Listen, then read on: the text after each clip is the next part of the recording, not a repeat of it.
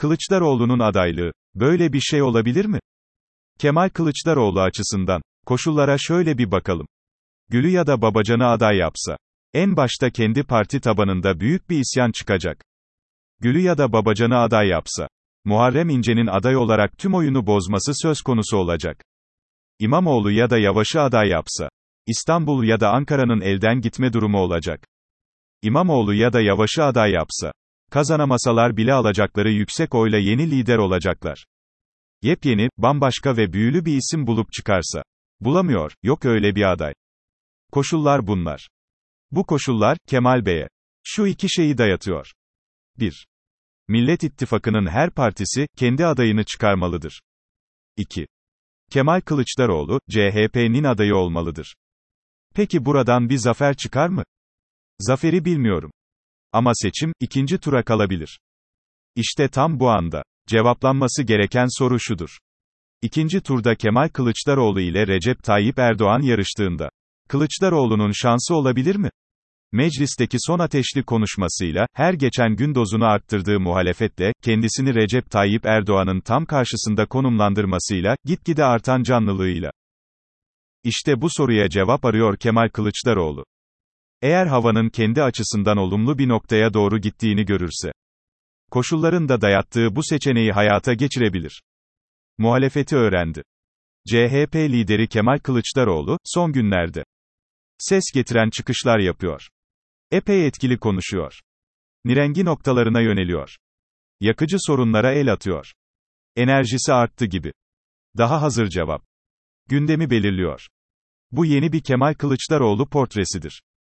Dikkatle izleyelim. Hasan Ali Toptaş'ın imrendiren sıyırması, yazar Hasan Ali Toptaş'la ilgili taciz iddiaları dile getirilince. Hürriyet, mikrofonu Toptaş'a da uzattı. Hasan Ali Toptaş'ın Hürriyet muhabiri Ece Çelik'e yaptığı açıklama aynen şöyle. İnsan eril failliğin ne olduğunu anlayana kadar karşı tarafta ne büyük yaralar açtığını bilmeden, fark etmeden, düşünmeden hatalar yapabiliyor. Failliğin ne olduğunu bugün kadınlardan öğreniyoruz.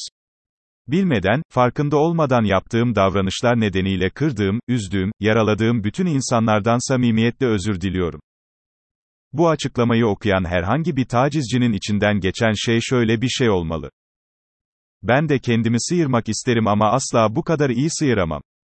Maaş da maaş. CHP açısından kaçınılması gereken tek bir yer var. Sosyal medya.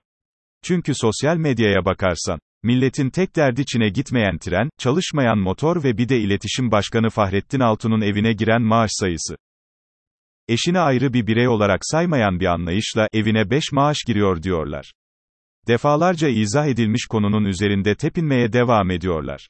Altun'un yaptığı, yahu olay öyle değil türü açıklamalarına zerre aldırış etmiyorlar.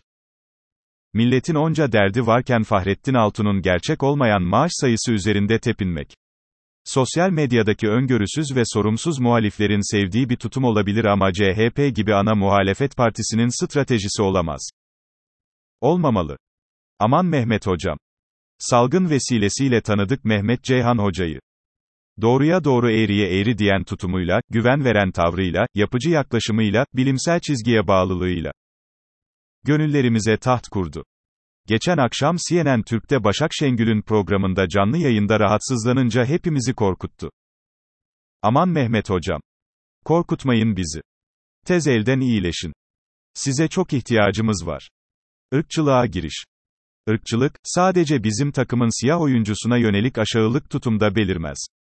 Kürtler söz konusu olduğunda, kullandığın üslupta belirir. Suriyeliler söz konusu olduğunda, ortaya koyduğun yaklaşımda belirir.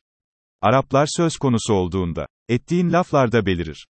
Rakip takımın siyah oyuncuları söz konusu olduğunda, ağzından çıkanlarda belirir.